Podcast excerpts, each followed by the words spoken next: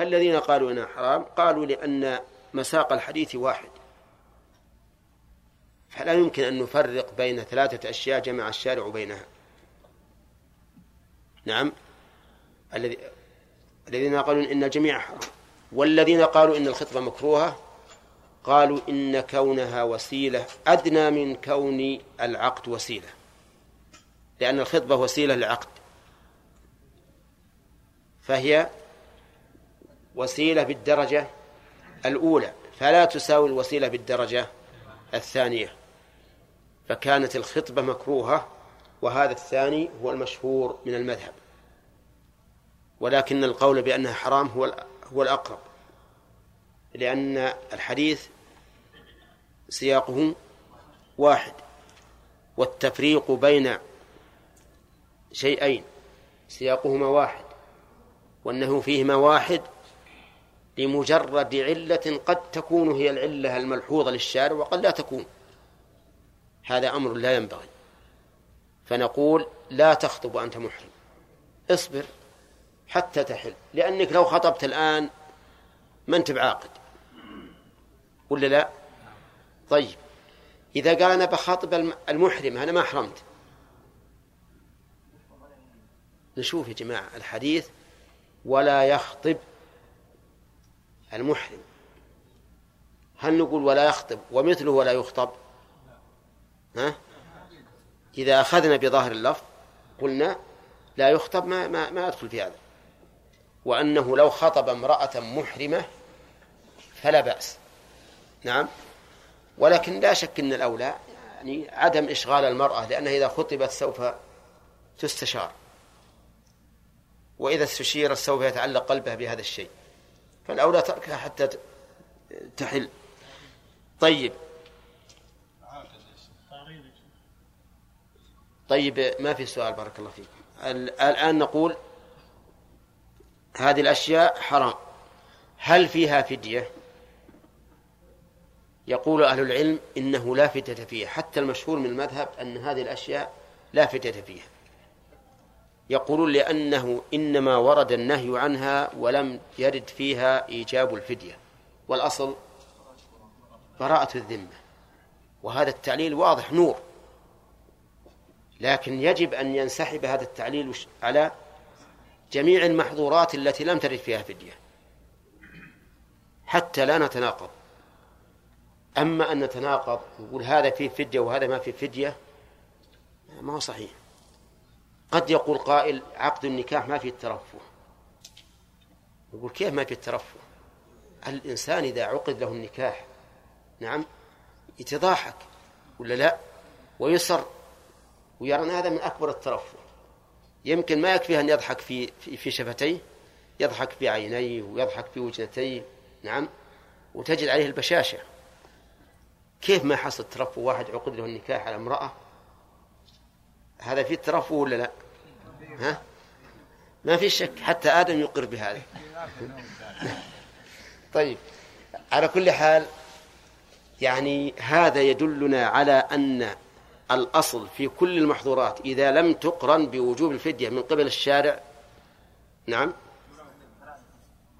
فما أصل؟ الأصل براءة الذمة. الأصل براءة الذمة. لكن لو قال لك قائل ألا يمكن أن نعامل الناس بالتربية؟ ونقول لنفرض أن الشرع لم يدل على وجوب الفدية. أفلا يليق بنا أن نعامل الناس بالتربية ونقول ما دام هذا قول جمهور العلماء فلنفتي به الناس لئلا إيش؟ يتساهلوا. لئلا يتساهلوا. لأنك لو قلت لواحد مثلا عليك أن تستغفر الله تستغفر الله عز وجل لما فعلت من من المحظور ولا عليك شيء.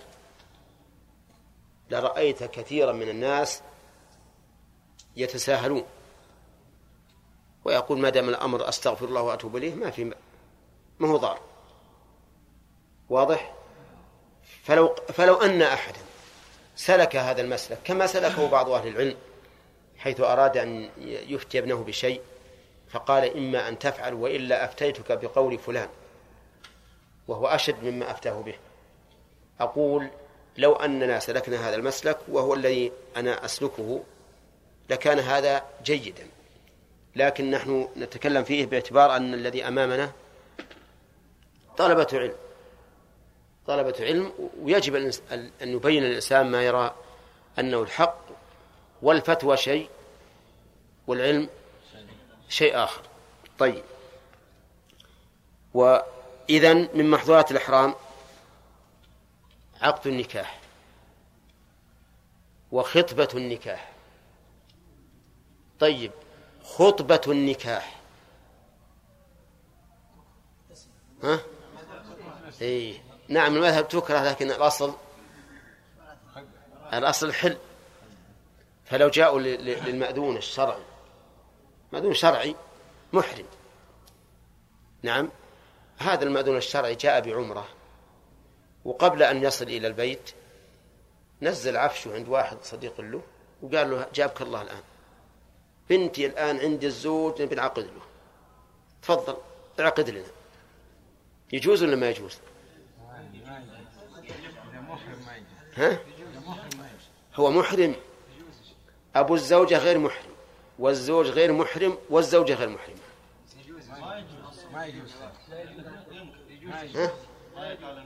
لا لا ما يمكن. المذهب يكره وليس بصحيح. الصحيح الجواز. الصحيح الجواز لأنه ما في دليل على الكراهة. الكراهة حكم شرعي يحتاج إلى دليل. فنقول هذا الرجل ما في مانع. اجلس اقرأ خطبة الحاجة خطبة الحاجة واعقد لهم. ولا في مانع. نعم. طيب. وعن عثمان رضي الله عنه طيب. وعن أبي قتادة الأنصاري من محظورات الإحرام قتل الصيد. لقوله تعالى يا أيها الذين آمنوا لا تقتلوا الصيد وأنتم حرم. فما هو الصيد؟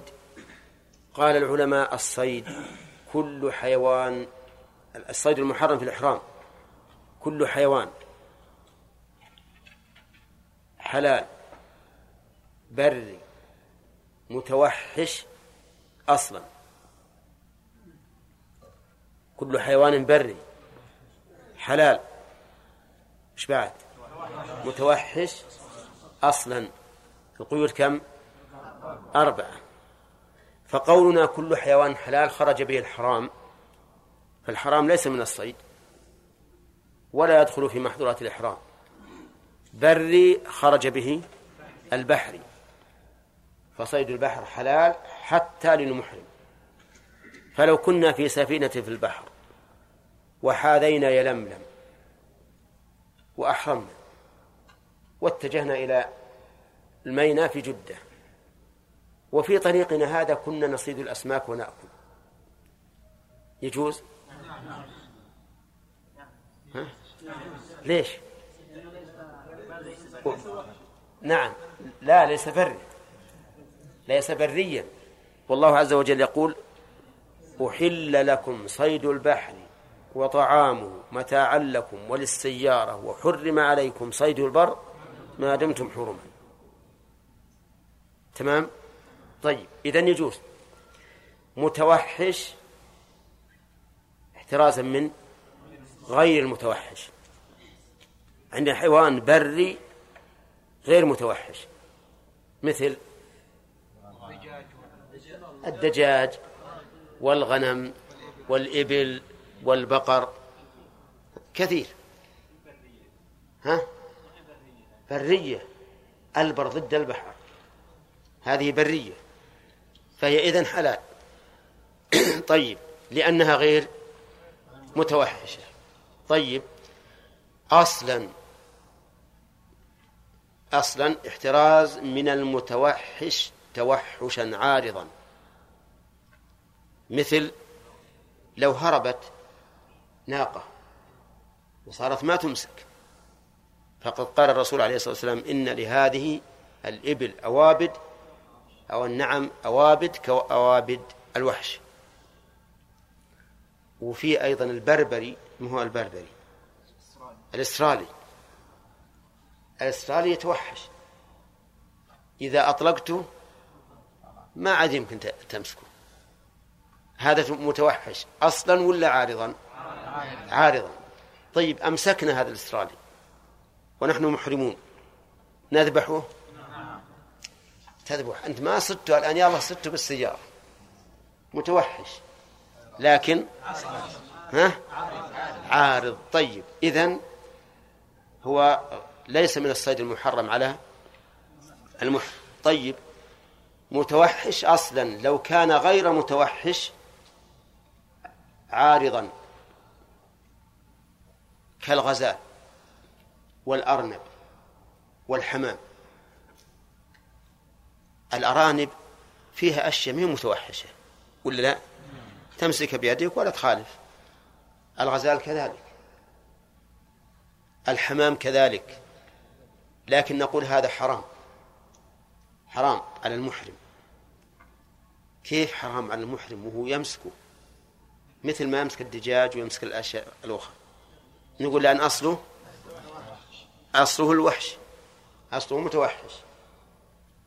فلو أن إنسانا ربى حمامة وأحرم بحج أو عمرة ما يجوز ما يجوز يذبحها. لنفرض واحد في الشرايع تعرفون الشرايع أظن الشرايع ها؟ لكن قبل قبل حدود الحرم. قدم من الطائف وأحرم من السير. ومر بيته في الشرايع. وقال لأهله أنا ودي اليوم أكل حمامة في الغداء يجوز يذبحون الحمام يأكله؟ حمامة في بيتي يا شيخ. ما يجوز؟ ليش؟ لأنها متوحشة أصلا. أو عنده غزال ظبي. قال والله اليوم ودنا نذبح الظبي. وهو محرم. وجاء وذبحه. يجوز؟ ها؟ لا يجوز. عرفنا الآن ما هو الصيد الذي يحرم على المحرم. ما هو الصيد الذي يحرم على المحرم؟ كل حيوان حلال بري متوحش أصلا. طيب هذا حرام وعرفتم الدليل من القرآن. طيب يقول عن أبي قتادة الأنصاري رضي الله عنه في قصة صيده الحمار الوحشي. رازم من الحمار الأهلي. الحمار الأهلي كان حلالا في أول الإسلام ثم حرم في عام خيبر في السنة السادسة من الهجرة. كان حلال يؤكل. يمشي يركب الإنسان على حماره وإذا جاء ذبحه وأكله. لكن الحمد لله حرمه الله لأنه رجس. حرمه الله. الحمار الوح الوحشي صيد. صيد ما يمكن يمسك ولا ولا يألف. أبو قتادة رضي الله عنه خرج عام الحديبية من المدينة ولم يرد الإحرام. ما أراد العمرة. وبعثه النبي عليه الصلاة والسلام في جماعة معه إلى سيف البحر. فصاد حمارا وحشيا. صاد حمارا وحشيا. يقول فيه قال فقال رسول الله صلى الله عليه وسلم لأصحابه وكانوا محرمين أما أبو قتادة فغير محرم. هل منكم أحد أمره أو أشار إليه بشيء؟ قالوا لا. ما منهم أحد أشار إليه ولا قال شف الحمار. بل إن رمحه سقط وقال أعطوني ناول من الرمح ولم يناولوه. ما أساعدوا بشيء أبدا. قال الرسول عليه الصلاة والسلام فكلوا ما بقي من لحمه. وكأنهم أكلوا في الأول ثم صار في نفوسهم شك. ثم استأذنوا الرسول عليه الصلاة والسلام. واضح؟ طيب إذا قال قائل كيف يأكلون منه وهم محرمون؟ نقول لأن الذي صاده غير محرم. فتذكيته حلال ولا حرام؟ تذكيته حلال. وهم ما صادوا وإنما أكلوا لحم صيد. والحرام على المحرم صيد الصيد. أما نفس الصيد إذا لم يصده ولم يكن منه معونة على على صيده ولا يصيد لأجله فهو حلال له. ثم انظر إلى الحديث الثاني عن الصعب نخلي الأسئلة جميع. وعن الصعب بن جثام رضي الله عنه الليثي رضي الله عنه أنه أهدى لرسول الله صلى الله عليه وسلم حمارا وحشيا وهو بالأبواء أو بودان فرده عليه. وقال إنا لم نرده عليك إلا أنا حرم. شوف الصعب بن جثام رضي الله عنه كان رجلا مضيافا كريما وكان عداء سبوقا يصيد الحمر. لما نزل به الرسول عليه الصلاة والسلام وأكرم به من ضيف ما ما وجد أحدا أكرم منه ضيفا. صح؟ فذهب يصيد له. فأصاب حمارا وحشيا وصاده وجاء به إلى الرسول عليه الصلاة والسلام. ولكن الرسول صلى الله عليه وسلم رده. فلما رده على الصعب وقد جاء به إكراما لرسول الله صلى الله عليه وسلم رأى أن هذا أمر كبير. ويا له من أمر. رسول الله يرد هديته وضيافته تغير وجهه رضي الله عنه. فلما رأى ما في وجهه اعتذر إليه صلوات الله وسلامه عليه وقال إنا لم نرده عليك إلا أن حرم. بين له السبب فزال ما في نفسه. وكأن هذا القول الذي قيل إليه كأنه ماء بارد على جسم حار. اطمأن. واستراح لأنه لما أخبره أن السبب سبب شرعي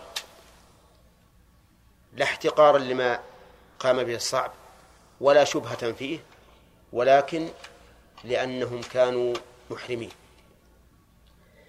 فهنا الرسول عليه الصلاة والسلام لم يأكل وقال لأصحاب أبي قتادة كلوا. وقال كلوا. فكيف نجمع بين الحديثين؟ قال بعض العلماء إن حديث الصعب ناسخ لحديث أبي قتادة. لأن حديث الصعب كان في حجة الوداع وحديث أبي قتادة في عمرة الحديبية وبينهما أربع سنوات. ومعلوم أنه إذا تعارض حديثان ولم يمكن الجمع بينهما فإننا نعدل ها إلى النسخ. والنسخ هنا محقق لأنه متأخر متأخر. والجمع على هذا القول متعذر. فيقولون إذن إذا أهدي للمحرم لحم صيد حرم عليه. مطلقا. قالوا ويؤيد قولنا أو يؤيد قولنا أن الله قال وحرم عليكم صيد البر ما دمتم حرما. صيد البر. والصيد هنا بلا شك بمعنى المصيد. وليس اسم مصدر أو مصدر صاد يصيد صيدا. لا يصح أن يكون مصدرا. لماذا؟ لأن البر لا يصاد. لو قلنا حرم عليكم صيد البر ما صح ما استقام إذا جعلنا صيدا مصدر. إذ أن البر لا يصاد. فالصيد هنا بمعنى المصيد بمعنى اسم المفعول. فمعنى مصيد البر. حرم علينا. وظاهره أنه حرام على المحرم سواء صاده أم لم يصده. فقالوا إذن نأخذ بحديث الصعب بن جثامة لأنه متأخر فيكون ناسخا. ولأنه يقويه ظاهر القرآن. وعلى هذا فإذا جاءنا رجل ونحن محرمون بلحم أرنب أو غزال أو حمامة وإن كان لم يصده من أجلنا فإننا نرده ونبين له السبب كما فعل الرسول عليه الصلاة والسلام. وقال بعض أهل العلم إنه لا يمكن أن نقول بالنسخ مع إمكان الجمع. وإمكان الجمع هنا حاصل. حاصل مؤيد بقول الرسول صلى الله عليه وسلم صيد البر حلال لكم ما لم تصيدوه أو يصد لكم. ممكن. كيف إمكانه؟ إمكانه بأن يحمل حديث الصعب بن الجثامة على أنه صاده ها للرسول صلى الله عليه وسلم. وأما حديث أبي قتادة فقد صاده أبو قتادة لنفسه.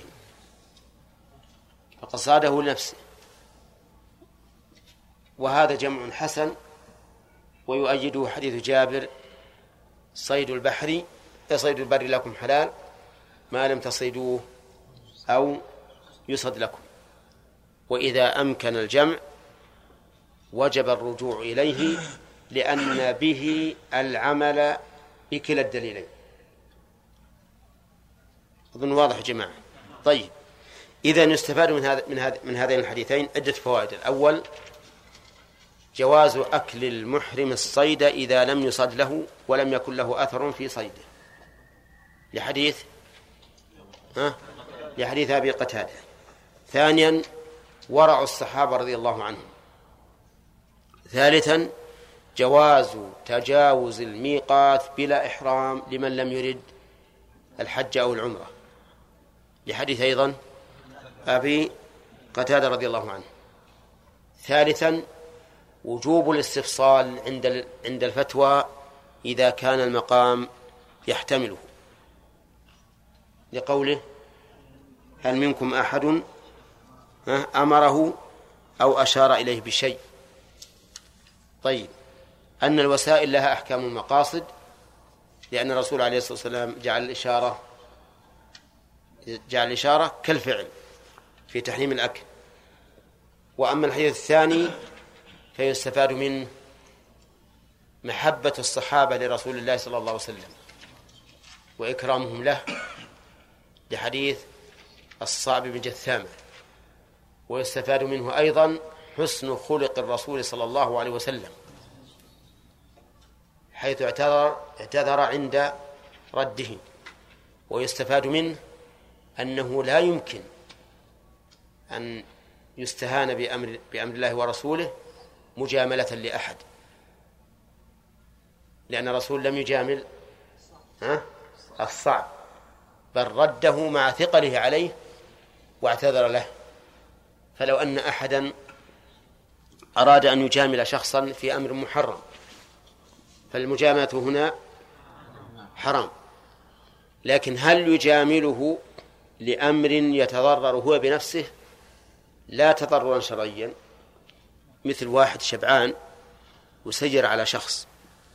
الشخص هذا عنده حيث تعرفون الحيث ها؟ قشت. القشت وهذا القشت بعد مشكل. تمر فيه سمن ودقيق. معروف الآن؟ طيب.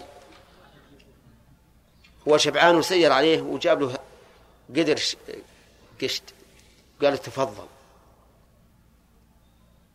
إن أكل مجاملة يمكن يتضرر لأنه شبعان. وإن تركه قد يزعل الثاني. فهل الأولى أن يأكل مجاملة لصاحبه أو الأولى أن لا يأكل ويخبره؟ الثاني. الثاني أولى. وقد مر علينا أن شيخ الإسلام ابن تيمية يقول إنه إذا كان يخشى أن يتضرر أو يتأذى بالطعام فإنه يحرم عليه. يحرم عليه حرام. إذا كان يخشى أن يتأذى أو يتضرر. نعم طيب. وفي الحديث آه، الصعب بن جثامة قلنا فيها أن الإنسان لا يجامل في دين الله عز وجل لأن الرسول صلى الله عليه وسلم لم يأكل وقال إن لم نرده عليك إلا أن حرم ويستفاد من مجموع الحديثين أن ما أن الصيد لا يحرم على المحرم إلا إذا صيد من أجله أو كان له أثر في صيده. نعم. طيب هل في في الصيد جزاء؟ الجواب نعم. فيه جزاء. بينه الله تعالى في قوله يا أيها الذين آمنوا لا تقتلوا الصيد وأنتم حرم ومن قتله منكم متعمدا فجزاء مثل ما قتل من النعم يحكم به ذوى عدل ذوى عدل منكم هديا بالغ الكعبة أو كفارة طعام مساكين أو عدل ذلك صياما. قال أهل العلم فإذا كان الصيد له مثل كالنعامة مثلا مثيلتها البعير. البعير تشبه النعامة لها عنق طويل وأرجل طويلة فهي شبيهة بها فإذا قتل المحرم نعامة وجب عليه بعير. طيب إذا قال ما ما ما فيه إبل الآن؟ أو ما أريد أن أذبح وأتعب. قلنا قدر البعير على قول بعض العلماء. أو قدر النعامة على القول الآخر. كم تساوي؟ قال تساوي مئة ريال. اشتر بمئة ريال طعاما ووزعه على الفقراء لكل مسكين نصف صاع أو أو مد قال ما ما ما نبقى أتعب. قلنا إذن قدر مقدار الطعام لكل مسكين. قال عندنا مثلا اشترينا مئة صاع كل صاع أربعة أمداد. كم؟ أربعمائة يوم. صم؟ أربعمائة يوم. أو عدل ذلك صياما عن كل مسكين يوم. إن قال ما أقدر. تعذر كل شيء. قلنا تسقط عنك. لأن الواجبات تسقط بالعجز عنها إذا لم يكن لها بدل. المهم أنه يخير بين إيش؟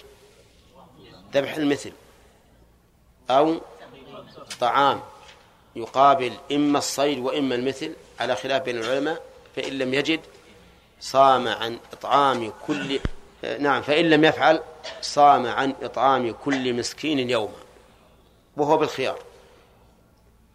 ثم قال المؤلف وعن عائشة رضي الله عنها قالت قال رسول الله صلى الله عليه وسلم خمس من الدواب كلهن فواسق. يقتلن في الحل والحرم العقرب والحدأة والغراب والفارة والكلب العقور. ها؟ قال عليه الصلاة والسلام خمس من الدواب كلهن فواسق جمع فاسقة. أي كلهن مجبولات على العدوان والإضرار قال يقتلن في الحل والحرم وهذا خبر بمعنى الأمر يعني أنه يشرع قتلهن في الحل والحرم. الغراب ها؟ العقرب. وهي معروفة. وأذيتها واضحة لأنها تلسع وتفرز سما ضارا ومثلها ما كان منها مثلها أو أولى كالعقربان وهو يمكن أشد منها أيضا والداب الحية وغير ذلك من ذوات السموم. يعني يلحق بها كل ذوات السموم. الحدأة طائر معروف. هذا الطائر ينتشل اللحم وينتشل الذهب الحلي مغرم بكل أحمر. كل شيء حمر ياخذه ويطيره إذن هو مؤذي سروق يسرق الناس. هذا أيضا يقتل. الغراب قال العلماء إن الغراب غرابان. غراب يسمى غراب الزرع. وهو أسود مثل الحمامة لا يؤذي بل هو كغيره من الطيور فهذا لا يقتل. إلا من قتله على أنه صيد يأكله. وغراب آخر غراب خبيث كبير يقطع أغصان الأشجار وينقب دبر الإبل ويؤذي حتى إنه أحيانا يأتي إلى النخل ويقص الشماريخ قصا. يقصها قصا شماريخ النخل تسقط بالأرض. هذا يقتل في الحل والحرم. طيب الفأرة معروفة. وش الفأرة؟ وش تؤذي المسكين؟ ها؟ أي يأكل الكتب. ويلوث الكتب أيضا ببعره بعره. الطعام ما يأكل الطعام يشقق الأكياس؟ إيه. طيب ويسرق الذهب أيضا. يسرق الذهب. وهو مغرم به أيضا. وينقب الجدار. ولا لا؟ المهم له أذيات متعددة. فيقتل. وقال عليه الصلاة والسلام الكلب العقور. سواء كان أسود أو غير أسود. لأن الكلب الأسود يقتل مطلقا وغير الأسود يقتل إن كان عقورا. يعني إن كان طبيعته العقر سواء كان يعقب يعقب الآدميين أو البهائم. لأنه مؤذي. قال أهل العلم والتنبيه بهذه الأمثلة يدل على أن ما كان مثلها فهو مثلها في الحكم وما كان أشد منها فهو أولى منها بالحكم. ولهذا أخذوا قاعدة من ذلك فقالوا يسن قتل كل مؤذن كل مؤذي فإنه يسن قتله. وجاء المؤلف رحمه الله بهذا الحديث بعد حديث صاحب الجثام وحديث بقاداته ليبين أن محرم الأكل لا يتعلق به حكم الصيد. طيب إذن نقول هذه الخمس وما كان من معناها يؤمر بقتلها. فلننظر تتميما للفائدة. كم أقسام الدواب من حيث القتل وعدم القتل؟ قال العلماء إنها من حيث القتل وعدمه تنقسم إلى ثلاثة أقسام. قسم أمر بقتله وقسم نهي عن قتله وقسم سكت عنه. الذي أمر بقتله؟ ها؟ لا, لا الحكم قطعا ما ما نريد تعيينها. الذي أمر بقتله نقتله. نقتله. مثل هذه الخمسة ومثل الوزغ ومثل العنكبوت. على حديث ورد فيها وإن كان ضعيف لكن العنكبوت فيها أذية. وش أذيتها؟ تعشش على الكتب وعلى الجدران والملابس وما أشبه ذلك. على كل حال ما أمر بقتله نصا أو قياسا قتل. المنهي عن قتله أربع النملة والنحلة والهدهد والصرد النملة والنحلة والهدهد والصرد النملة معروفة. أصبروا بارك الله فيكم. ها. النملة معروفة والنحلة معروفة. الهدهد معروف أيضا ما شاء الله. وش بقينا؟ الصرد الصرد طائر معروف. نعم؟ إيه إيه. نعم. طائر معروف يعرفه أصحاب الصيد. وهو طائر يكون أكبر من العصفور. ولونه أشهب. أو فيه خضرة. على كل حال أنا لست من أهل الطيور لكن أهل الطيور يعرفونه. وهذه الأربع نهى الشارع عن قتلها. إذن نقتله ولا لا؟ نقتلها. فيه أشياء سكت الشارع عنها. فإن كانت حلالا فالإذن في قتلها مستفاد من ها من حلها. لأنه لا يمكن أن أن أن تحل إلا بالذبح أو الصيد. وإن كانت غير حلال شوف القسم الثالث فيه التفصيل. إن كانت حلالا ها فالإذن بقتلها مستفاد من حلها ولكنها تقتل على حسب الشروط الشرعية التي تحل بها. وإلا تكن حلالا فقد اختلف العلماء فيها فمنهم من قال إنه يكره قتلها.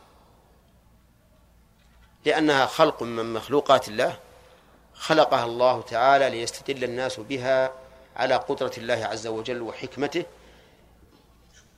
وتتبين آياته بها وما لك ولها. ما ما منها أذية دعها ما عليك منها.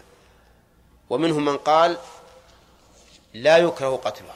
بل هي مما سكت عنه وما سكت عنه فهو عفو. ما له حكم إن قتلتها فلا إثم عليك وإن تركتها فلا إثم عليك لا نأمرك ولا نهاك. وهذا الأخير هو الأصل. الأصل هو هذا.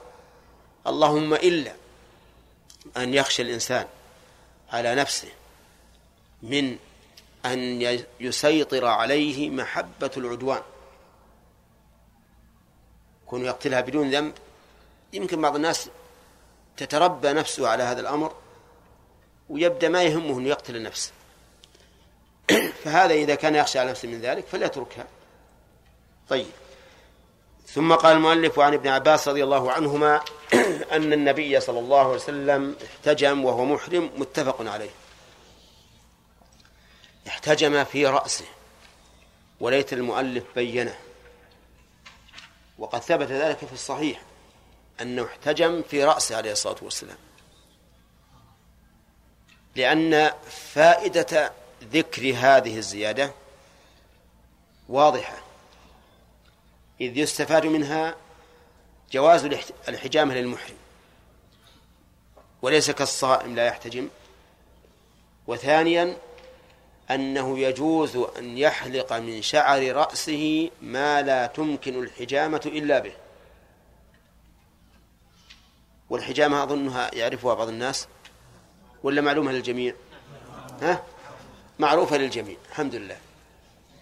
هي إذا كانت في الرأس لا بد أن يحلق لها يحلق لها ما يمكن أن يحتجم به.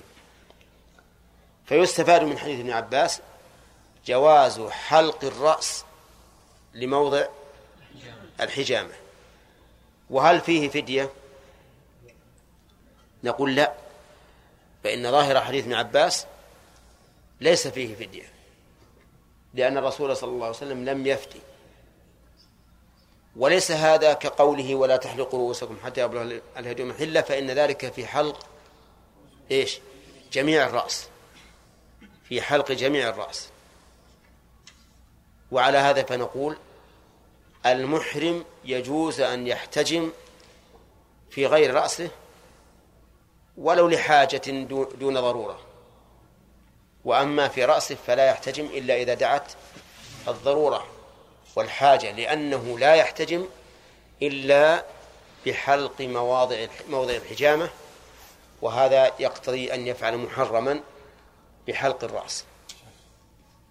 لكنه إذا حلق للحجامة فلا فدية عليه. ولننظر إلى حديث كعب بن عجرة لأجل أن نتمم التقسيم. قال عن كعب بن عجرة رضي الله عنه قال حملت إلى رسول الله صلى الله عليه وسلم والقمل يتناثر على وجهي. فقال ما كنت أرى الوجع بلغ بك ما أرى. أرى بمعنى أظن. وإذا جاءت أرى بضم الهمزة فهي بمعنى أظن. أما أرى فهي إما بمعنى أبصر إن كانت بصرية أو بمعنى أعلم إن كانت علمية وأرى تأتي علمية وبصرية. فقوله تعالى إنهم يرونه بعيدا ونراه قريبا. الأول بمعنى الظن والثاني بمعنى العلم.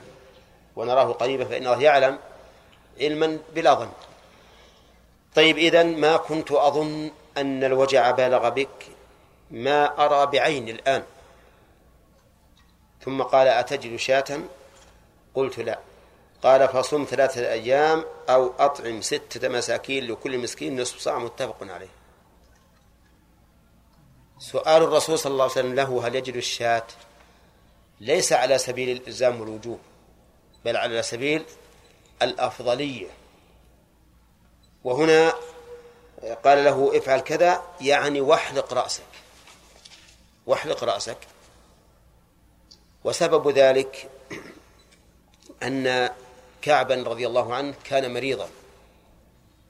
والمريض عادة لا يتنظف. وإذا لم يتنظف الإنسان مع المرض يكثر فيه الأوساخ. والأوساخ في في الرأس إذا كان له شعر يولد القمع. فجيء به إلى الرسول عليه الصلاة والسلام والقامل ينزل من رأسه. فعرف الرسول عليه الصلاة والسلام أنه مريض. وقد قال الله تعالى فمن كان ومن كان مريضا فمن كان مريضا أو بهذا من رأسه ففدية. يعني وحلق ففدية من صيام. أو صدقة أو نسك.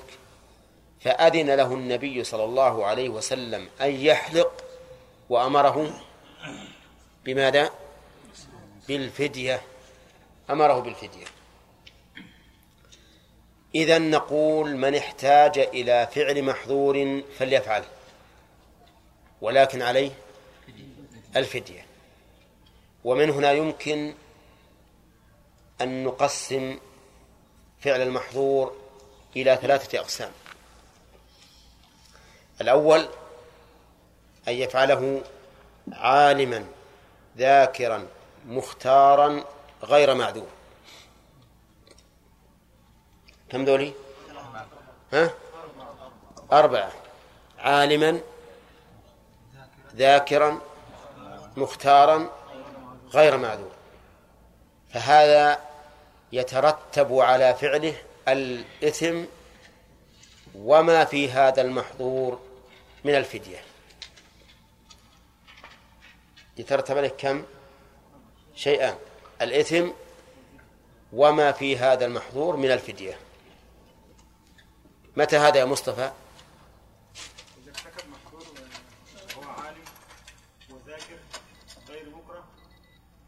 يعني مختار. مختارا. من غير حاجة. من غير عذر. زين. أو من غير حاجة ما في مانع. طيب الثانية إحنا قلنا أقسام ولا حال؟ إذن القسم الثاني. أن يفعله معذورا بجهل أو نسيان أو إكراه. بجهل أو نسيان أو إكراه. يعني يفعله جاهلا أو ناسيا أو مكرها. فهذا لا إثم عليه ولا فدية. عكس الأول. لا يتعلق بفعل هذا إثم. ولا فدية وإن كان جماعا لا يترتب عليه فساد النسك ولا وجوب القضاء. يعني لا يترتب عليه شيء من من فعل المحظور أبدا. متى؟ إذا كان ناسيا أو جاهلا أو مكرها. طيب وش الدليل؟ الدليل نوعان. عام وخاص. فالعام قوله تعالى ربنا لا تؤاخذنا إن نسينا وأخطأنا. وليس عليكم جناح فيما أخطأتم به ولكن ما تعمدت قلوبكم. من كفر بالله من بعد إيمانه إلا من أكره وقلبه مطمئن بالإيمان ولكن من شرح بالكفر صدرا فعليهم غضب من الله ولهم عذاب عظيم. وجه الدلالة من من آية البقرة واضح؟ ربنا لا تؤاخذنا إن نسينا وأخطأنا. فقال الله قد فعلت. ومن آيات الأحزاب وليس عليكم جناح فيما أخطأتم به. ولكن ما تعمد قلوبكم. وإذا انتفى الجناح وهو الإثم انتفى ما يترتب عليه من الفدية. وفي آية النحل من كفر بالله من بعد إيمانه إلا من أكره. وقلبه مطمئن بالإيمان وجه الدلالة أنه إذا سقط حكم الإكراه أو إذا سقط حكم الكفر بالإكراه مع أن الكفر أعظم الذنوب فما دونه؟ من باب أولى. هذه الأدلة منين؟ من القرآن. من السنة رفع عن أمة الخطأ والنسيان وما استكرهوا عليه. هذا هذا القسم الأول من من الأدلة وهي الأدلة العامة. فأي إنسان أخرج شيئا من هذا العموم فعليه فعليه الدليل. انتبهوا لهذه القاعدة التي التي جاءت بالكتاب. كتاب الله وسنة رسوله. أي إنسان يخرج فردا من أفراد المسائل من هذا العموم ويقول إن الإكراه لا يؤثر أو إن الجهل لا يؤثر أو إن الإنسان لا يؤثر فعليه ها؟ فعليه الدليل. واضح يا جماعة؟ طيب. فيه دليل خاص في موضوع المحظورات. في جزاء الصيد قال الله تعالى ومن قتله منكم متعمدا فجزاء مثل ما قتل من نعم. فإذا اشترط, فإذا اشترط الله العمد لوجوب الجزاء في الصيد مع أنه إتلاف. فغيره ها؟ من باب أولى. فغيره من باب أولى. وعلى هذا فنقول إذا فعل هذه المحظورات أتمه جاهلا أو ناسيا أو مكرها فلا شيء عليه. حتى في الجماع حتى في الجماع.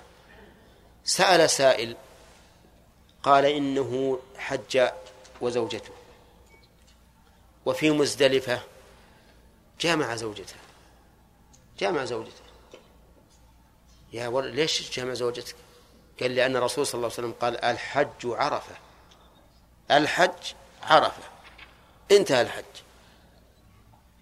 فجمعتها وش نقول له؟ ما عليه الشيء ليش؟ جاهل. جاهل متأول سمع الحج عرفه ومشى عليه. نعم. أو لا يدري. حديث عهد بإسلام ناشئ. تو ناشئ بالإسلام ولا يدري. فظن أن ذلك لا بأس به. أو ظن أن الجماع المحرم ما كان فيه إنزال ولم يحصل منه إنزال. كما يوجد في كثير من الناس الآن ولا سيما المتزوجون عن قرب رمضان يجامعون زوجاتهم في النهار بدون إنزال يحسبون ما في بأس. نعم. هكذا يقولون والله أعلم بكلامهم لكن هم يقولون هكذا. على كل حال إذا كان جاهلا نقول لا شيء عليه. بقي علي في المثال الأول اللي قال أنا جمعتها لأني لأن الرسول يقول الحج عرفة. هل نقبل تأويله وهو ليس من أهل الاجتهاد؟ ها؟ ها؟ اي هو ما أفتى لكنه أفتى نفسه. هل نقول والله هذا مو عذر؟ لأنك؟ لا ما إلى الآن ما وصل جهل المركب عاده آه، لأنه ما لك حق تتأول وأنت ما أنت من أهل الاجتهاد. لكن نعم هو بيجيبنا بهذا. يقول أنا ما على بالي اطلاقا إن هذا محرم أصلا. أنا ما ذهبت اول دليلا يدل على التحريم ثم أقول إنه مباح. أصلا ما علمت أن هذا يحرم حتى المحظورات الأخرى ما ظنيت إنها تحرم. طيب على كل حال إذا كان جاهلا فلا شيء عليه. الحال القسم الثالث أن يفعل هذه المحظورات عالما ذاكرا مختارا لكن لعذر. لعذر. حال.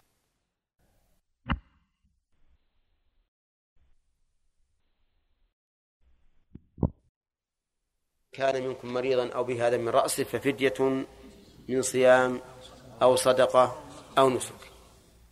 واضح ولا لا؟ طيب. إنما الحمد لله أن الله رفع عنه الإثم. كفاية. وعليه الفدية. عليه فدية ذلك المحظور. لكن هل يدخل في هذا مسألة الجماع.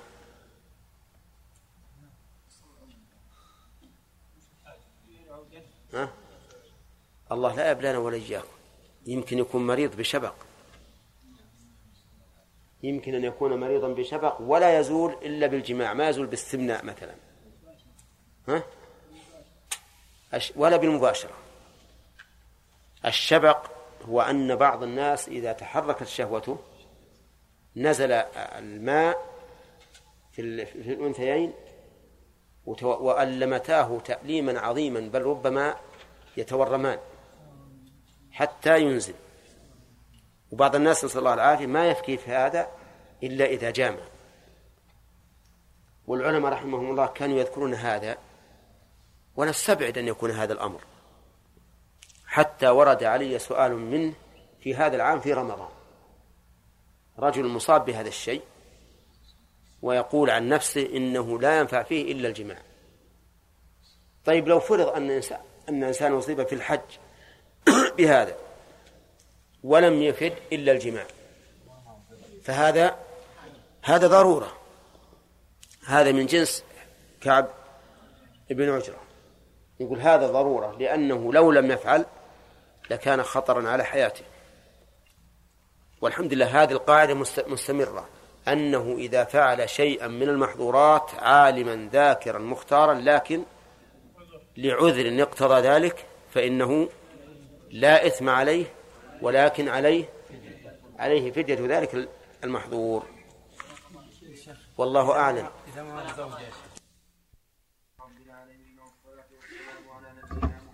صلى وسلم على رسول الله قال المؤلف رحمه الله تعالى وعن ابي هريره رضي الله عنه قال لما فتح الله تعالى على رسوله صلى الله عليه وسلم مكه قام رسول الله صلى الله عليه وسلم في الناس فحمد الله وأثنى عليه ثم قال إن الله حبس عن مكه الفيل وسلط عليها رسوله والمؤمنين. صلى وسلم وإنها لم تحل لأحد كان قبلي وإنما أحلت لي ساعة من نهار وإنها لن تحل لأحد بعدي فلا ينفر صيدها ولا يقتلى شوكها ولا تحل ساقطتها إلا لمنكب ومن قتل له قتيل فهو بخير النظرين.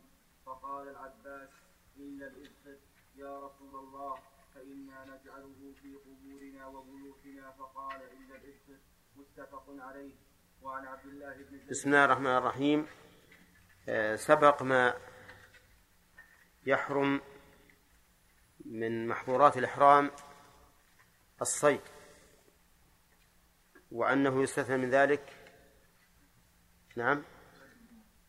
ما صاده غير المحرم لا لأجل المحرم فإنه يجوز له أكله. وسبق بيان الدواب التي تقتل في الحل والحرم. وسبق بيان ما تنقسم إليه أقسام فعل المحظور ولا حاجة إلى مناقشة فيها لأنها واضحة. ومن شاء فليرجع إلى المسجل. قال وعن أبي هريرة رضي الله عنه قال لما فتح الله على رسوله صلى الله عليه وسلم مكة. وذلك في رمضان في السنة الثامنة من الهجرة. وأسباب الفتح معلومة وهو أن قريشا لما عاهدوا النبي صلى الله عليه وسلم في الحديبية نقضوا الصلح. والعهد الذي كان بينهم وبين النبي صلى الله عليه وسلم فلم يبق لهم عهد بين رسول الله صلى الله بينهم وبين رسول الله صلى الله عليه وسلم. فخرج إليهم وقاتلهم ففتح الله عليه عنوة بالسيف ولكنها لم تقسم لأنها محل مشاعر شعائر الإسلام ومشاعر الحج فلا يمكن قسمتها. قال إن الله حبس عن مكة الفيل. حبس أي منع.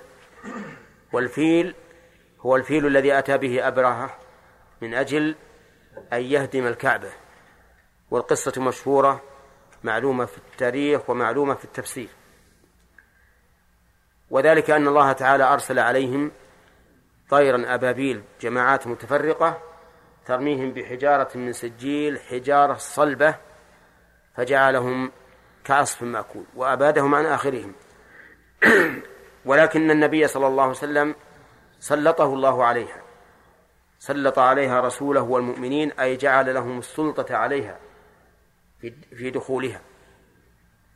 فإن قلت ما الرابطة بين حبس الفيل وتسليط الرسول صلى الله عليه وسلم وأصحابه وأصحابه؟ فالجواب أن الفيل لو دخل مكة لحصل بينهم وبين أهل مكة قتال وانتهكت فيه الحرمة حرمة الحرم. أما النبي عليه الصلاة والسلام فحصل بينه وبين أهل مكة قتال ولكن سيأتي بيان أن هذا خاص بالرسول صلى الله عليه وسلم. فإن قلت لماذا منع الله الفيل وسلط رسوله والمؤمنين عليه فالجواب أن أصحاب الفيل جاءوا لإهانة الكعبة. وأما النبي صلى الله عليه وسلم وأصحابه فجاءوا لتعظيم الكعبة. ولهذا لما قال سعد بن عبادة رضي الله عنه اليوم يوم الملحمة اليوم تستحل الكعبة. قال النبي صلى الله عليه وسلم كذب. بل هذا يوم تعظم فيه الكعبة. وقت دخول الرسول عليه الصلاة والسلام مكة. إذن فالفرق بينهما ظاهر. والحكمة في تسليط الرسول صلى الله عليه وسلم وأصحابه على مكة دون أصحاب الفيل ظاهرة جدا. قال النبي صلى الله عليه وسلم وسلط عليها رسوله والمؤمنين. وإنها لم تحل لأحد كان قبلي. يعني ما ما أحد من الأنبياء وأممهم أحل الله له أن يدخل مكة بقتال أبدا. لأن مكة معظمة الأشجار وهي جمادات نامية محترمة فيها كما سيأتي. قال وإنها لم تحل لأحد كان قبلي وإنما أحلت لي ساعة من نهار. وهي ما بين طلوع الشمس إلى صلاة العصر. الوقت التي الذي لا بد فيه من القتال حتى يدخلها النبي صلى الله عليه وسلم. ساعة من نهار أحلت للرسول عليه الصلاة والسلام. فهي لم تحل لأحد قبله ولم تحل له حلا مطلقا. إنما أحلت له ساعة من نهار بقدر الضرورة. ثم قال ولن تحل وإنها لن تحل لأحد بعدي. فصارت مكة حرام قبل الرسول عليه الصلاة والسلام حرام بعده في أول البعثة وآخرها ولم تحل للرسول عليه الصلاة والسلام إلا ساعة من نهار في كل عهد رسالته عليه الصلاة والسلام. وهذا يدل على عظمة هذا البيت عند الله سبحانه وتعالى. قال وإن فلا ينفر صيدها. وفي حديث في حديث آخر أن الرسول عليه الصلاة والسلام قال إن أحد ترخص بقتال رسول الله صلى الله عليه وسلم فقولوا إن الله أذن لرسوله ولم يأذن لكم. قال فلا ينفر صيدها معنى ينفر أي يطرد ولا يزجر ولا يشوش عليه. لو أتيت إلى الصيد وهو مستظل في شجرة فإنه لا يجوز لك أن تنفره. ويجوز أن تقتله؟ لا. من باب أولى. إذا منع التنفير فالقتل من باب أولى. أما لو نفر بدون تنفير لما أحس بالماشي حوله طار فإنه لا إثم عليك في ذلك لأنك لم تنفره. فلا ينفر صيدها ولا يختلى شوكها. لا يختلى شوكها وفي لفظ ولا يعضد أي يقطع شوكها ولا يختلى خلاها. الخلا الحشيش أي لا يحش والعضد القطع. والشوك يعني الشجر ذات الشوك. أي أن حشيشها لا يحش وشجرها لا يقطع ولو كان ذا شوك. احتراما للمكان. طيب لو فرض أن أحدا أراد أن يفتح خطا ووجد فيه شجرة فإنه لا يقطعها. اللهم إلا إن دعت الضرورة القصوى إلى ذلك فنعم. قال ولا يعضد شوكها ولا تحل ساقطتها إلا لمنشد. ساقطتها يعني اللقطة. لا تحل إلا لمنشد يعني إلا لمن أراد أن ينشدها مدى الدهر. فمن أخذها لا للإنشاد فهو حرام. ومن أخذها للتملك بعد الإنشاد فهو حرام. ومن أخذها للإنشاد دائما فهو حلال. فالأحوال ثلاثة. إما ثلاث إما أن يأخذها للتملك من الآن أو للتملك بعد الإنشاد أو للإنشاد. الذي يحل من هذه الثلاث الأخير. أما لقطة غيرها فيحل منها الثاني وأما الأول فلا يحل في أي لقطة كانت. من أخذ اللقطة للتملك من الآن فهذا لا يجوز لا في مكة ولا غيرها. ومن أخذها للتملك بعد الإنشاد الشرعي فهو جائز في غير مكة. ومن أخذها للإنشاد دائما فهو جائز في مكة وغيرها. لكن في غير مكة ليس بواجب وفي مكة يجب الإنشاد دائما. قال ومن قتل له قتيل فهو بخير النظرين. من قتل له قتيل فهو بخير النظرين. لما بين الرسول عليه الصلاة والسلام أن القتال محرم في مكة كأنه إيرادا ورد والقتل. قال القتل إذا كان قصاصا فلا بأس به. من قتل له قتيل في مكة فهو بخير النظرين. ما هما؟ إما أن يقتل القاتل وإما أن يأخذ الدية.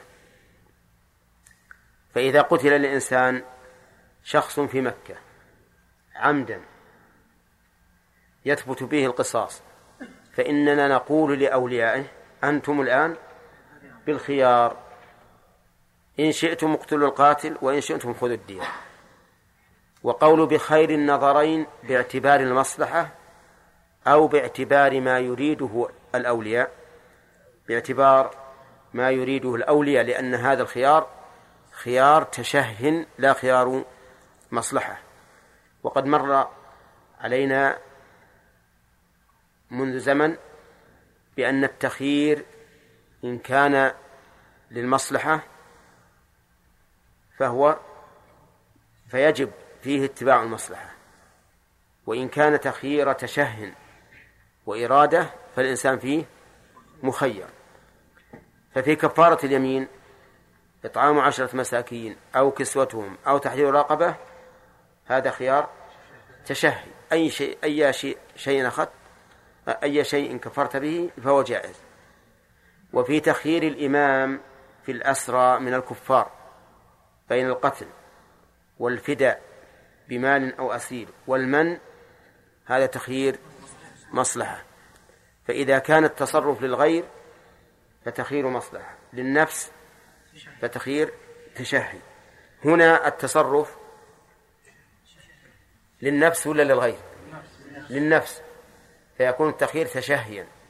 إن اشتهيت فاقتل إن اشتهيت فخذ دية. قال ومن قتل له قتيل فهو بخير النظرين فقال العباس إلا الإذخر يا رسول الله. فقال إلا الإذخر. الإذخر نبت معروف في مكة وبين العباس رضي الله عنه السبب في ذلك. قال يا رسول الله فإنا نجعله في قبورنا وبيوتنا. فقال إلا الإذخر متفق عليه. الإذخر نبت معروف في الحجاز له سيقان مثل الأعواد مثل أعواد الكبريت. يجعل في القبور وفي البيوت. في القبور يجعل فيما بين اللبنات حتى لا ينهال التراب. في البيوت يجعل فيما بين الجريد في السقف ويوضع الطين فوقه. السقف أول أول ما ما نجعل إيش؟ لا خشب. ثم الجريد ثم الإذخر ثم الطين. الإذخر هذا يمنع من تساقط الطين من من بين الجريد. فالناس في حاجة إليه. فقال الرسول عليه الصلاة والسلام إلا الإذخر متفق عليه. في هذا الحديث فوائد. أولا استغلال النبي انتهاز النبي صلى الله عليه وسلم الفرصة في الخطب حين دعاء الحاجة إليها. لأنه خطب في في وقت يحتاج الناس فيه إلى بيان الأحكام. فخطب الرسول عليه الصلاة والسلام فبين الأحكام. ثانيا أن الخطب تبتدأ بالحمد بالحمد لله والثناء عليه. ثالثا أنه ليس بلازم أن نثني بالصلاة على النبي صلى الله عليه وسلم.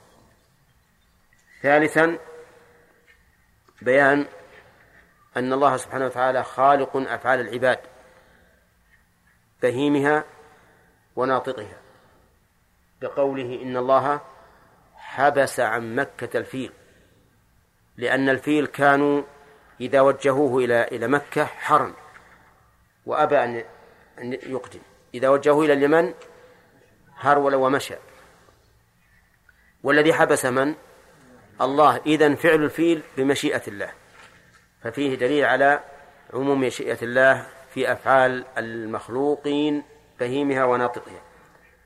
ومن فوائده أيضا أن الله سبحانه وتعالى له الحكم فيما أراد من خلقه الكوني والشرعي ولهذا منع كونا الفيل وأذن شرعا للرسول صلى الله عليه وسلم فسلطه على مكة ومن معه من المؤمنين. ومن فوائد الآية من فوائد الحديث بيان عظمة الكعبة لأنها لم تحل لأحد من الناس قبل الرسول عليه الصلاة والسلام ولم تحل للرسول صلى الله عليه وسلم إلا بقدر الضرورة لقوله وإنما أحلت لي ساعة من النهار. ومن فوائدها أن الضرورات تتقدر بقدرها. لا يزيد الإنسان فيها على قد فيها على قدر الضرورة. أي أن ما أبيح للضرورة لا يجوز أن يتعدى به موضع إيش؟ الضرورة. وهذه قاعدة نافعة في في كل الأحكام. أن ما أبيح للضرورة فإنه لا يجوز أن يتعدى به إيش؟ محل الضرورة. لأن الرسول صلى الله عليه وسلم أبيحت له ساعة من النهار إذ لا يتمكن أن يزيل هذا الكفر والشرك حتى تكون مكة بلاد إسلام إلا بهذا القتال. ولولا ذلك ما تمكن لبقت محترمة بمن فيها من الكفار ولم يستطع أحد الوصول إليها. ومن فوائد الحديث تحريم القتال بمكة لقوله وإنها لن تحل لأحد بعدي. ولكن إذا قوتل الإنسان فله أن يقاتل.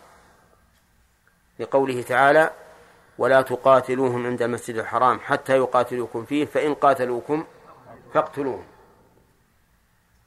ولهذا أجاز النبي عليه الصلاة والسلام قتل القتل في القصاص لأنه قتل إيش؟ بحق. والقتل أخص من القتال. لأنه قد يجوز القتال ولا يجوز القتل. لو ترك أهل بلد الأذان والإقامة جاز قتالهم بل وجب قتالهم ولكن لا يجوز قتلهم. فإذا استسلموا ما نأسرهم ولا ولا نجهز على جريحهم. طيب ومن فوائد الحديث جواز النسخ في الأحكام الشرعية لأن تحريم مكة نسخ. كذا. ومنها جواز توقيت النسخ. حيث نسخ التحريم ها إلى الحل ساعة من النهار. ومنها إثبات الحكمة لله عز وجل لأن هذا النسخ المؤقت لحكمة. ومنها تعليل الأحكام الشرعية وأن الحكم يدور مع علته وجودا وعدما. ومن فوائدها تحريم صيد تحريم الصيد. من فوائد الحديث تحريم الصيد في مكة. لقوله لا ينفر صيدها. وتحريم قتله من باب من باب أولى. ومن فوائد الحديث تحريم قطع الشجر صغيره وكبيره. مؤذيه وغير مؤذيه. لقوله ولا يختلى شوكها. هذا إذا كان الشجر نبت بفعل الله عز وجل. أما ما نبت بزرع الآدمي فإنه ملكه له أن يتصرف فيه بما شاء. فلو غرس الإنسان نخلة في مكة فله أن يجتثها. ولو غرس شجرة فله أن يجتثها ولو زرع فله أن يحصده. أما ما نبت بدون فعل الآدمي فإنه محترم لا يجوز قطعه. طيب ومنها أي من فوائد الحديث أن لقطة الحرم لا تملك بالتعريف لقوله ولا تحل ساقطتها إلا لمنشد وهذا هو القول الصحيح في هذه المسألة. ومنهم من قال إن لقطة الحرم كغيرها تملك بالتعريف وإنما قال الرسول صلى الله عليه وسلم لا تحل ساقطتها إلا لمنشد من باب التأكيد على الإنشاد. ولكن الصحيح الأول. طيب فإذا قال قائل إذا علم الإنسان أنها لأنه لا بد أن ينشدها مدى الدهر إلا أن يجد صاحبها فإنه لن يأخذها. ماذا نقول؟ نقول لا يأخذها الشارع ما أراد إلا هذا أن لا تأخذها وإذا جاء ثان لا يأخذها وثالث لا يأخذها حتى تبقى في مكانها وصاحبها إذا فقدها رجع من من حيث جاء ووجدها. حتى يبقى كل شيء آمنا. لكن في عصرنا الآن نرى أنه لو تركها لجاء من بعده وأخذها وجاء من لا يسأل من يأخذها للتملك. فنقول حينئذ إذا كان يخاف أن تؤخذ على وجه التملك وأن لا يسأل يبحث عن صاحبها فالأولى أن يأخذها ويسلمها إلى الجهات المسؤولة إلى ولي الأمر وبذلك تبرأ ذمته. هذا ما لم يكن يعلم صاحبها فإن علم صاحبها بكتابة أو وسم أو شبهه فإنه يأخذها ويسلمها يسلمها له. ومن فوائد الحديث أن أولياء أن أولياء المقتول لهم الخيار بين القتل والدية. لقوله ومن قتل له قتيل فهو بخير النظرين وأنه لا فرق بين ذلك بين أن يكون ذلك في مكة أو في غيرها. ومن فوائد الحديث جواز القتل في مكة بحق. لقوله فهو بخير النظرين فإذا زنى الإنسان في مكة فإننا وهو محصن إذا زنى الإنسان في مكة وهو محصن فإننا نرجمه. لا نقول والله هذا في مكان آمن. نقول لأنه من حيث المعنى والعلة لأنه لما انتهك حرمته صار هو لا حرمة له. واضح؟ وكذلك لو وجب على شخص قتل للفساد في الأرض فإننا نقتله. لو لو أن أحدا ارتد في مكة وصار لا يصلي وأبى أن يتوب فإننا نقتله.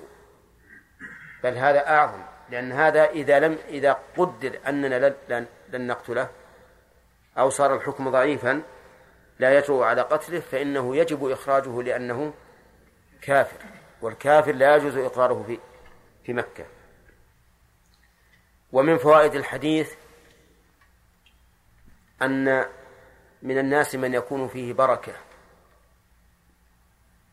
في تشريع الأحكام الشرعية.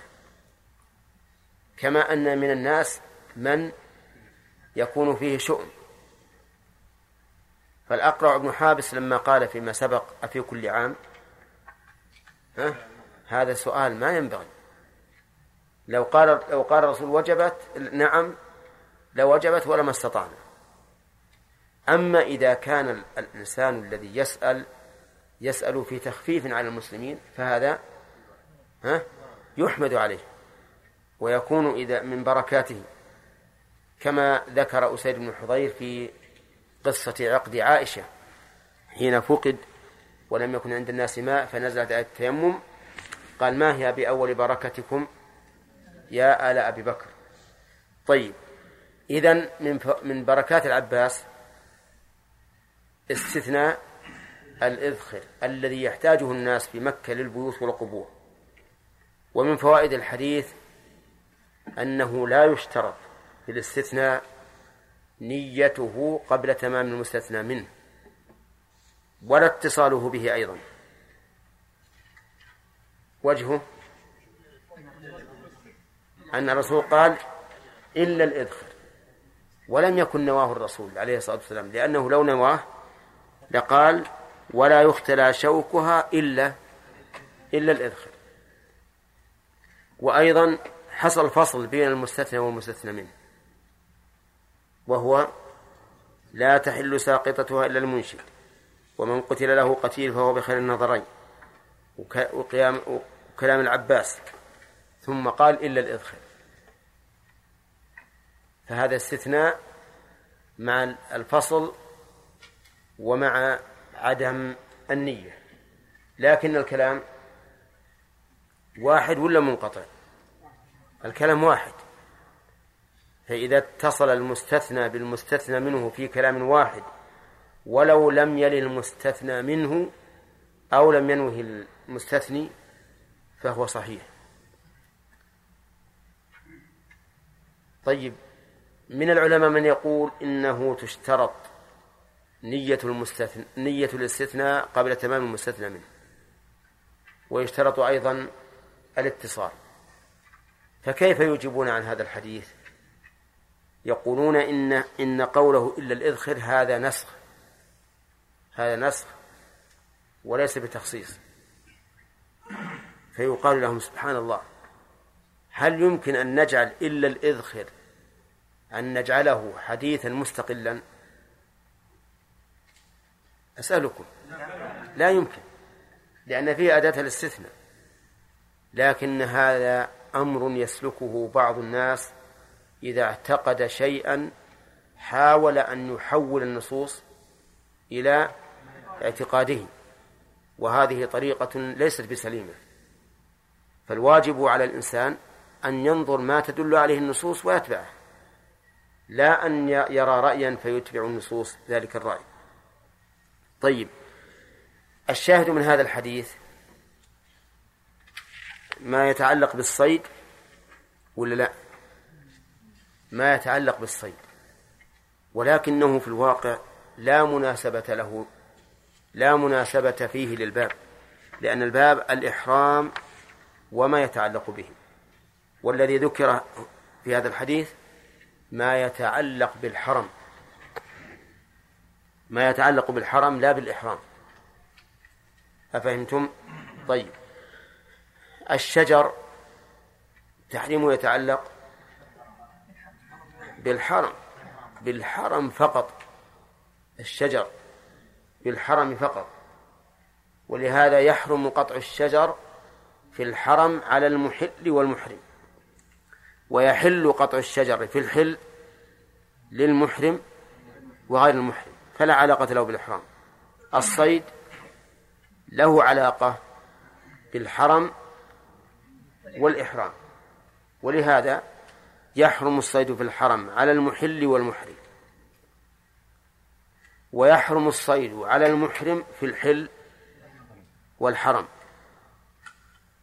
أفهمتم؟ طيب.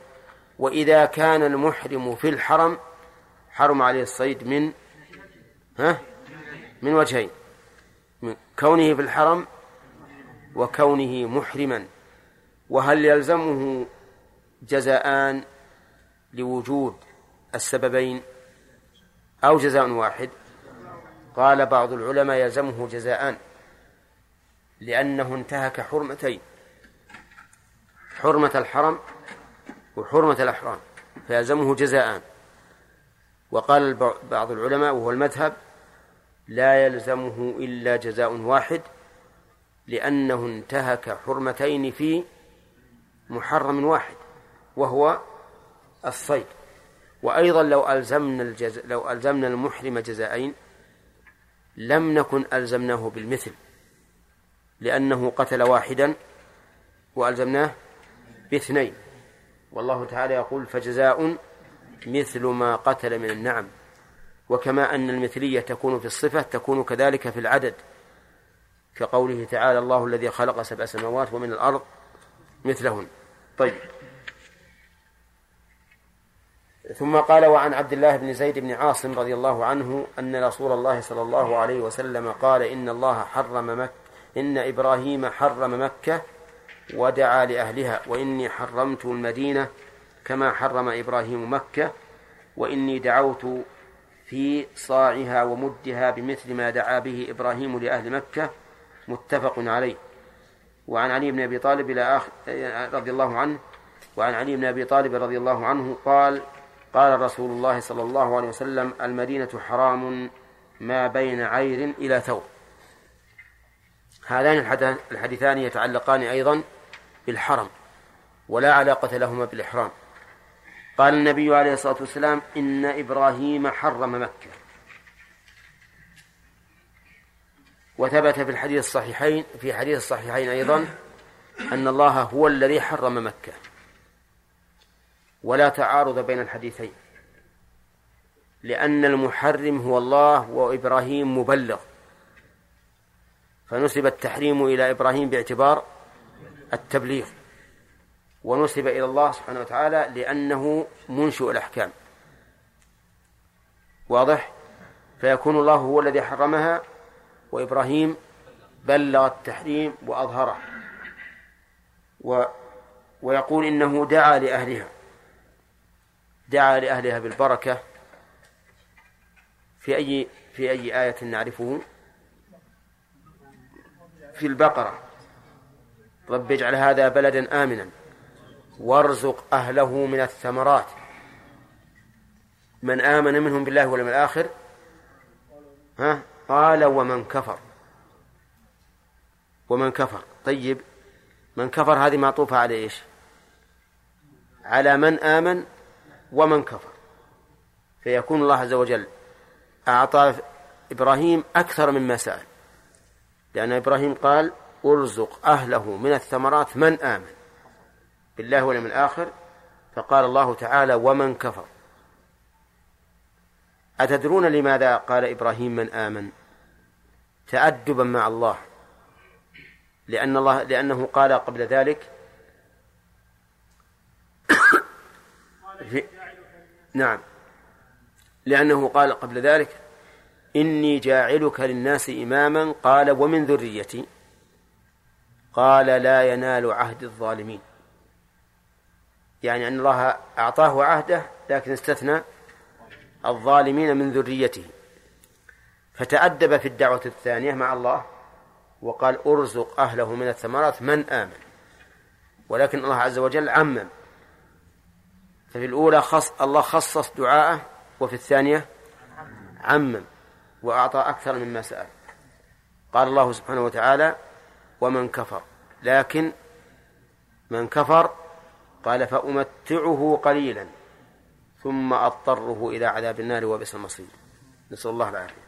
المهم أن إبراهيم دعا لأهل مكة. ونبينا صلى الله عليه وسلم دعا لأهل المدينة بمثل ما دعا به إبراهيم. ها؟ بمثلي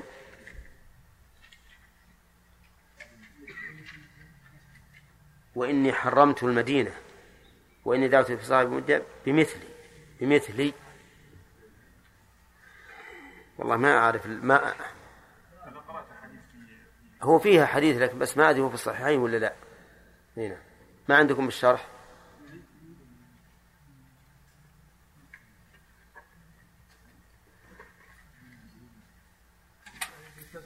في الشرح ها؟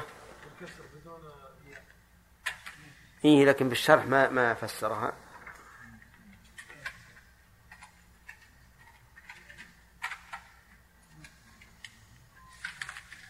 سبل السلام وهو معكم. ما تكلم عليها؟ طيب نراجعها إن شاء الله تعالى. الشاهد من قول الشاهد في هذا قوله إني حرمت المدينة كما حرم إبراهيم مكة. وهذا تشبيه لأصل التحريم بأصل التحريم. وذلك لأن تحريم حرم مكة أشد وأشمل لأن حرم المدينة يستثنى منه أشياء هي حلال وهي في وهي في حرم مكة حرام. فيكون التشبيه هنا بإيش؟ في أصل التحريم. في أصل التحريم لا في وصفه فإن حرم المدينة فيه أشياء تحل ولا تحل في حرم مكة. طيب وحرم المدينة من أين إلى أين؟ يقول من عير إلى ثور. وعير وثور جبلان معروفان في المدينة. قال العلماء والمسافة أي مسافة حرم المدينة بريد في بريد. البريد أربعة فراسخ والفرسخ ثلاثة أميال ثلاثة أميال. فيكون بريد البريد كم؟ ها؟ 12 ميل يعني 12 ميل في 12 ميلا الميل أظن بالكيلو كيلو ونصف تقريبا ها؟ كيف؟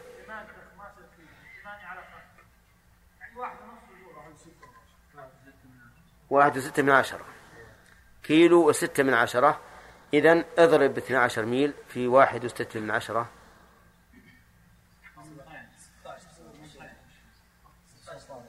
لا ثمانية عشر وزيادة. ثمانية عشر كيلو وزيادة. ها؟ لا وهو معروف أيضا. العلماء بعضهم قال كما قلت أنه غير معروف ولكن المحققون يقول أنه معروف. وعلى كل الكلام على المسافة. بريد في بريد. ثم قال المؤلف باب صفة الحج ودخول مكة. نعم. طيب فوائد الحديث صح. أولا نسبة الشيء إلى من بلغه. لقوله إن إبراهيم حرم مكة. ومثله أن الله نسب القرآن إلى جبريل ونسبه أيضا إلى محمد عليهما الصلاة والسلام. فقال تعالى إنه لقول رسول كريم ذي قوة عند ذي العرش مكين. فنسبه هنا إلى وقال تعالى إنه لقول رسول كريم وما هو بقول شاعر. فنسبه إلى محمد. فنسبة الشيء إلى إلى المبلغ سائغة شرعا ولغة. ومن فوائد من فوائد الحديث أيضا آه، من فوائد الحديث رحمة هذين الرسولين بأهل هاتين البلدتين وشفقتهما على أهله على أهلهما. فإبراهيم دعا لأهل مكة ومحمد صلى الله عليه وسلم دعا لأهل المدينة. ومن فوائدها ثبوت الحرم للمدينة. لقول الرسول عليه الصلاة والسلام إني حرمتها كما حرم إبراهيم مكة. ومنها أن الرسول صلى الله عليه وسلم خص الدعوة للمدينة بالمد والصاع وهو الطعام الطعام الذي يقدر بالأصواع والأمداد. وهذا لا يستلزم أن يكون الرسول عليه الصلاة والسلام دعا في كل شيء. وإنما دعا في الطعام ولذلك نجد أن الطعام في المدينة يكون دائما متوفرا ويكون أيضا مباركا في في زرعه وجنه. ومن فوائد الحديث الثاني حديث علي بن أبي طالب بيان حد حرم المدينة وانه ما بين عير إلى ثور. أما صفة الحج ودخول مكة فإننا نقول من شروط العبادة الإخلاص لله والمتابعة لرسول الله صلى الله عليه وسلم. وهما الركنان الأساسيان في كل عبادة. فلا تقبل عبادة بشرك ولا تقبل عبادة ببدعة. البدعة تنافي الاتباع والشرك ينافي الإخلاص. ومن ثم احتاج العلماء رحمهم الله إلى بيان صفات العبادات.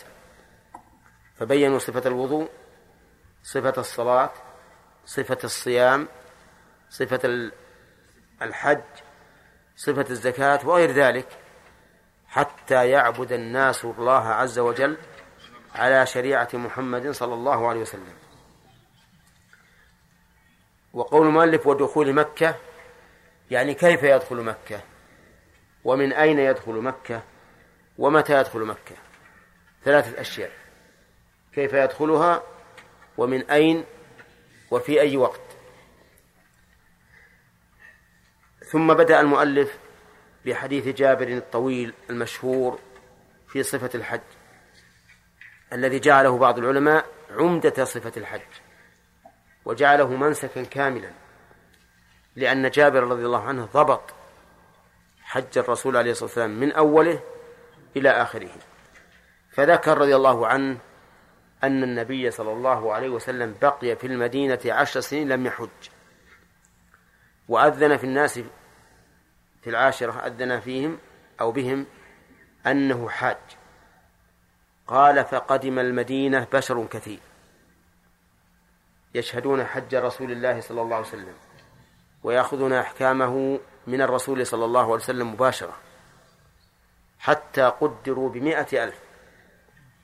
مائة ألف من مائة وعشرين كل الصحابة. يعني يمثل كم؟ خمسة أسداس المسلمين تقريبا. خمسة من ستة كثير. حتى كانوا كما قال جابر كانوا بين يدي الرسول صلى الله عليه وسلم وخلفه وعن يمينه وعن شماله مد البصر. عالم عظيم. يريدون أن يأخذوا من إمامهم صلوات الله وسلامه عليه. كيف يعبدون الله تعالى بهذا بهذا النسك العظيم؟ خرج النبي عليه الصلاة والسلام من المدينة وقد بقي خمسة أيام من ذي القعدة. خرج في الخامس والعشرين في يوم السبت. بعد أن أعلم الناس في خطبة الجمعة كيف يحرمون وسئل ماذا يلبس المحرم وأوضح للناس مبادئ النسك. وبقي في ذي الحليفة عليه الصلاة والسلام وبات بها وفي اليوم التالي اغتسل. اغتسل ولبس إحرامه ثم أحرم. والمؤلف رحمه الله اختصر الحديث اختصارا تاما لم يأتي منه إلا ما يتعلق بالحج. قال حج النبي صلى الله عليه وسلم فخرجنا معه حتى إذا أتينا ذا الحليفة. فولد أسماء. أتى بكلمة فاء لأنها معطوفة على جملة. هي جواب الشرط. يعني حتى إذا أتينا ذا الحليفة نزل وصار كذا وكذا وكذا فولدت. وذو الحليفة هي مهل أهل المدينة. وتعرف الآن ها؟ بأبيار علي. طيب. فولدت أسماء بنت عميس وهي زوجة أبي بكر رضي الله عنه. ولدت محمد بن أبي بكر. فأرسلت إلى النبي عليه الصلاة والسلام كيف تصنع؟ فقال لها اغتسلي واستثفري بثوب وأحرمي اغتسلي عن الحيض ولا عن ولا للإحرام؟ للإحرام. ولا يصح أن نقول إنه عن النفاس لأن النفاس باق ومن شرط صحة الطهارة عن شيء أن عن عن موجب للطهارة أن ينقطع ذلك الموجب. ولهذا لا يصح التوضؤ عن البول والإنسان يبول. ولا يصح التوضؤ عن لحم الإبل والإنسان يأكل لحم. فالطهارة عن موجب لها لا تصح إلا بعد انقطاع الموجب. إذن فطهارة فالغسل الذي أمرها بها الرسول أمر به الرسول صلى الله عليه وسلم أسماء للإحرام. قال واستثفري بثوب. لما ولدت رضي الله عنها أرسلت إلى النبي صلى الله عليه وسلم كيف تصنع؟ فقال اغتسلي واستثفري بثوب وأحرمي. كيف تصنع؟ من الآن إلى انقضاء النسك أو كيف تصنع الآن؟ كيف تصنع الآن؟ ولهذا لم يبين لها النبي عليه الصلاة والسلام ماذا تصنع في المستقبل.